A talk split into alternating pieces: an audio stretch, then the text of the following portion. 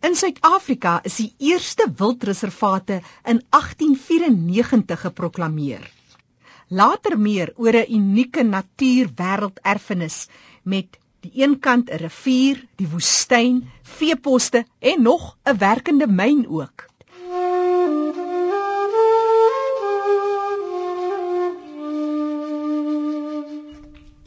Die swart wattelboom is 'n middelgrootte boom.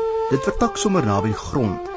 Die swart wattel het immergroen blare en in die somer dra dit sulke geel bolletjievormige blomme wat mooi vertoon teen die donkergroen van die blare en die swart stam. Dit dra donkerbruin peule. Die swart wattel kom in die suide van die land voor asook in die oostelike provinsies.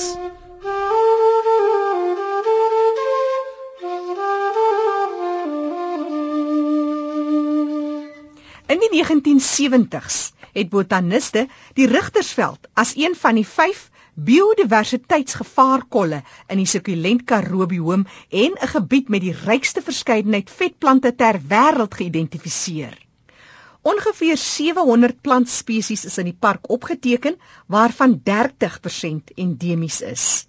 Die hoofbron van vog vir die meeste vetplante is die wintermis wat van die Atlantiese Oseaan so wat 70 km daarvandaan inwaai. En die reënval is nie net baie laag nie, maar is ook baie onbetroubaar en wissel van 10 tot 140 mm op die vlaktes.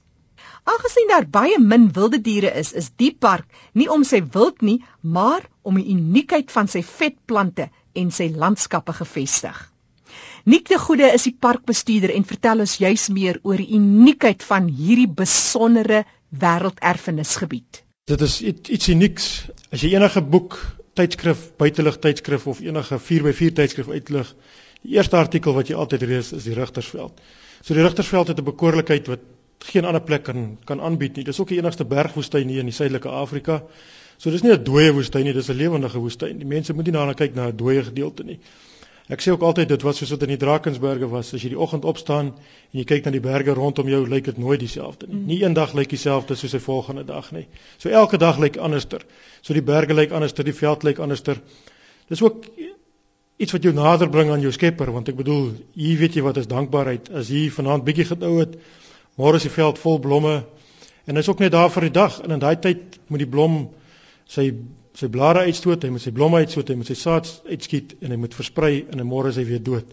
So die lewensiklusse van die van die organismes is baie korter. So dis uniek, dis iets wat jy op geen ander plek kan ervaar of enige ander plek kan sien nie. Praat van die uniekheid, dis nou 'n wêrelderfenisgebied, nê?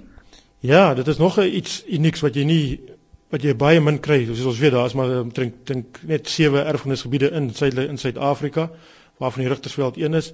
Dis ook baie uniek want dit is nie net 'n uh, 'n bewaringsgebied wat onder bewaring is nie, maar dit sluit ook die gemeenskappe in. So dis baie uniek want dit is kontraksueel tussen tussen Sanparks en die gemeenskap. So in daai opsig maak dit ook 'n baie unieke uh wildernis erfenisgebied. En hy's ook ryk nie net aan die aan die biodiversiteit nie, maar ook aan die kulturele gedeeltes binne in in die konteks van die wêrelderfenisgebied. In ander gedeeltes kry jy of net die kultuur of net die erfenis of net die biodiversiteit. Hier het ons 'n spektrum van die hele van die hele spul. Dis 'n wêreld wat jy eintlik nie in woorde kan beskryf nie. Dis 'n wêreld wat as jy inkom sal jy sê waaroor gaan die mense so aan? En totdat jy eintlik net 'n bietjie gaan stappe tussen die berge, tussen die bome, sommer net op die gruis, op die klippe, in die verskillende rotsformasies en so meer. Maar as jy nou een ding moes uitsonder wat vir jou regtig waar sommer onder jou vel ingekruip het toe jy hier aangekom het, wat sou jy uitsonder? Dit is nogal moeilik om te sê want daar's so baie gedeeltes. Ehm um, maar die plante is iets ongelooflik, veral as jy kyk na die sukulente gedeeltes van die plante. Dit is iets unieks wat jy nêrens anders tevore kry nie.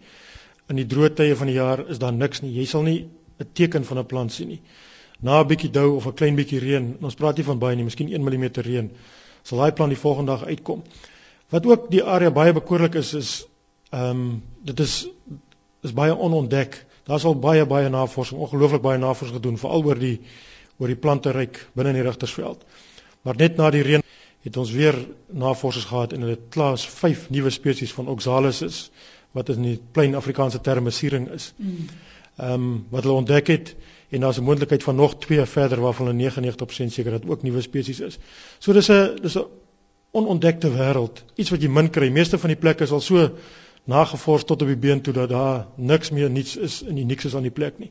Dis wat die Rigtersveld uniek maak. Dit is so 'n groot area en daar's baie wat nog nie ontdek is nie. Ek dink daar sal nog honderde plantspesies uitkom wat nog steeds ontdek moet word binne in die park. Ek moet sê dit is eintlik 'n paradys vir enige navorser want hier sal jy verseker 'n nuwe spesies kom beskryf want 'n mens wil eintlik ek wil amper nie sê ontdek nie want jy weet die feit dat navorsers dit kom beskryf beteken nie dat die mense nie weet daarvan nie. Die mense lewe goed in simbiose hier.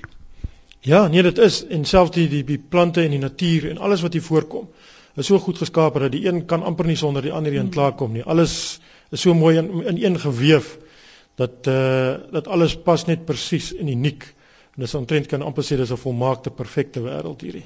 Dis die Eyes Rigtersveld oorgrenspark. Julle het natuurlik ook altyd uitdagings wat hiermee gepaard gaan. Hier's byvoorbeeld die Transhex myn binne in die park. Die mense bly hierso. Hoe kry julle die twee bymekaar getrek?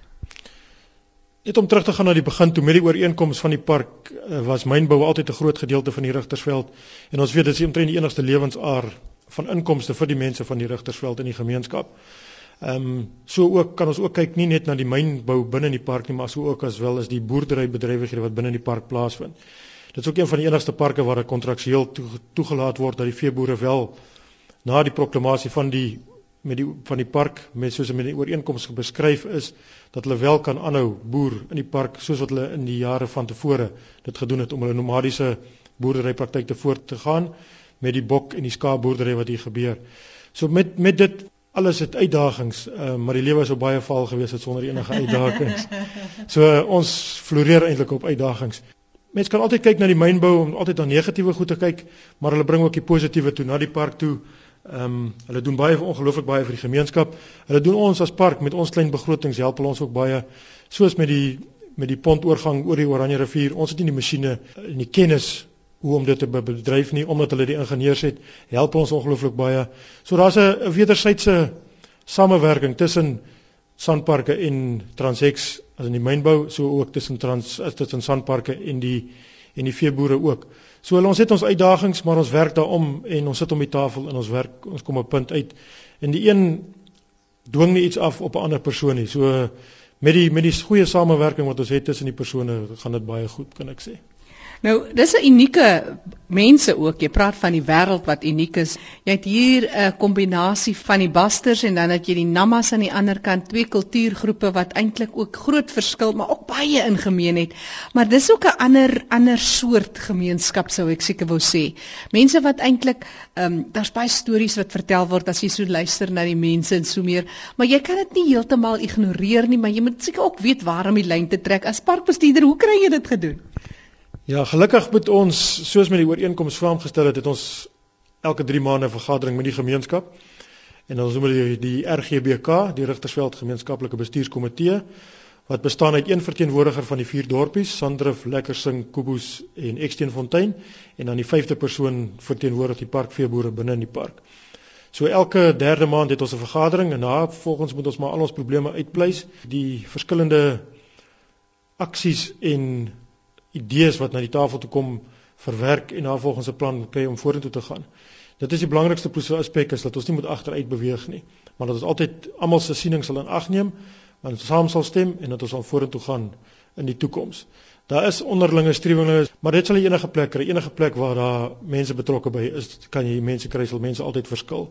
Maar dit maak dit interessant mm. en 'n uh, uitdaging om dit te laat werk. Ja, Dis waaroor dit ja. gaan op die einde van die dag. Terug by die park het 'n wonderlike beampte wat werk by mense en bewaring, mense wat in en om die park bly. As jy nou byvoorbeeld kyk na die programme wat jy in plek het om die mense te integreer in die hele lewe van die park. Ehm uh, wat sou jy sê is is van die van die mooi stories wat jy met ons deel ten opsigte daarvan want dit lyk vir my of die mense regtig hart en siel in die ding is.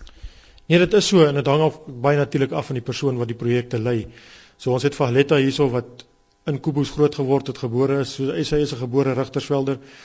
Wat dit baie makliker maak, want as jy weet waar mense vandaan kom, verstaan hulle dit waar waar die mense vandaan kom en hulle het dit altyd in jou agterkop. So as jy met mense werk, weet jy waar daai persoon vandaan kom en jy weet hoe om met hom te werk om hom ook laat vorentoe te laat te laat gaan. So in daai opsig help dit baie. Aletta doen 'n groot het 'n groot impak vir ons in die park en sy gaan uit haar pad uit om dit so bes as moontlik voor te stel. Hmm. En dit dit bedoel ek ons begin werk by die heel kleinste van die kleinste. Sy werk van die laerskole af tot deur die hoërskole met die gewone mense wat werk ook by die myne asook by die die die parkveeboere en dan gaan besoek sy ook al natuurlik al die ouer mense in die in die gemeenskap. Want dit is baie belangrik dat ons nie daai kultuur erfenis sal verloor nie want soos ons weet sulke meeste van daai goed sterf uit soos soos dit met die jare aangaan dan kan kan jy nie meer dit het nie. En sy lê ook baie klem daar ook op. Soos ook gesien kan word as jy by die Rigtersveld inkom het ons 'n informasiesentrum begin wat ons uh, uitstallings het van presies hoekom is daar mynbou hoekom is daar parkveeboere in die park hoekom is daar bokke hoekom is daar skape en dan ook hoe die mense leef. Dat ons net van die mense kan sê dis waar hulle vandaan kom en dis hoe dit gewerk het in die verlede. So in daai opsig is dit doen sy baie goeie werk vir ons en sy is ook die skakel tussen tussen Sandparke en die Rigtersveld gemeenskap. So as daar 'n fout moet kom in dit sal die hele ooreenkoms ook daarmee platval so daai persoon is baie belangrik om daardie band tussen Sandparke en die Rigtersveld in stand te hou Nik de Goede is die parkhoof by die Eyeis Rigtersveld Oorgrenspark, 'n wêrelderfenisgebied, die Rigtersveld, 'n ruwe bergwoestyn van getande pieke wat bo die valleie uittroon en dis die mees onherbergsame hoek van Suid-Afrika waar dit geleë is. Onthou volgende keer as jy 'n roete sou beplan met jou 4x4 Moenie vergeet van die AI Rigtersveld oorgrenspark. Inderdaad, 'n unieke wêreld en 'n unieke uitdaging. Gemaak gerus 'n draai op Sanparke se webtuiste. Daar's 'n skakel na elk van hierdie parke in Suider-Afrika. Dis www.sandparks.org. Net gou weer www.sandparks.org.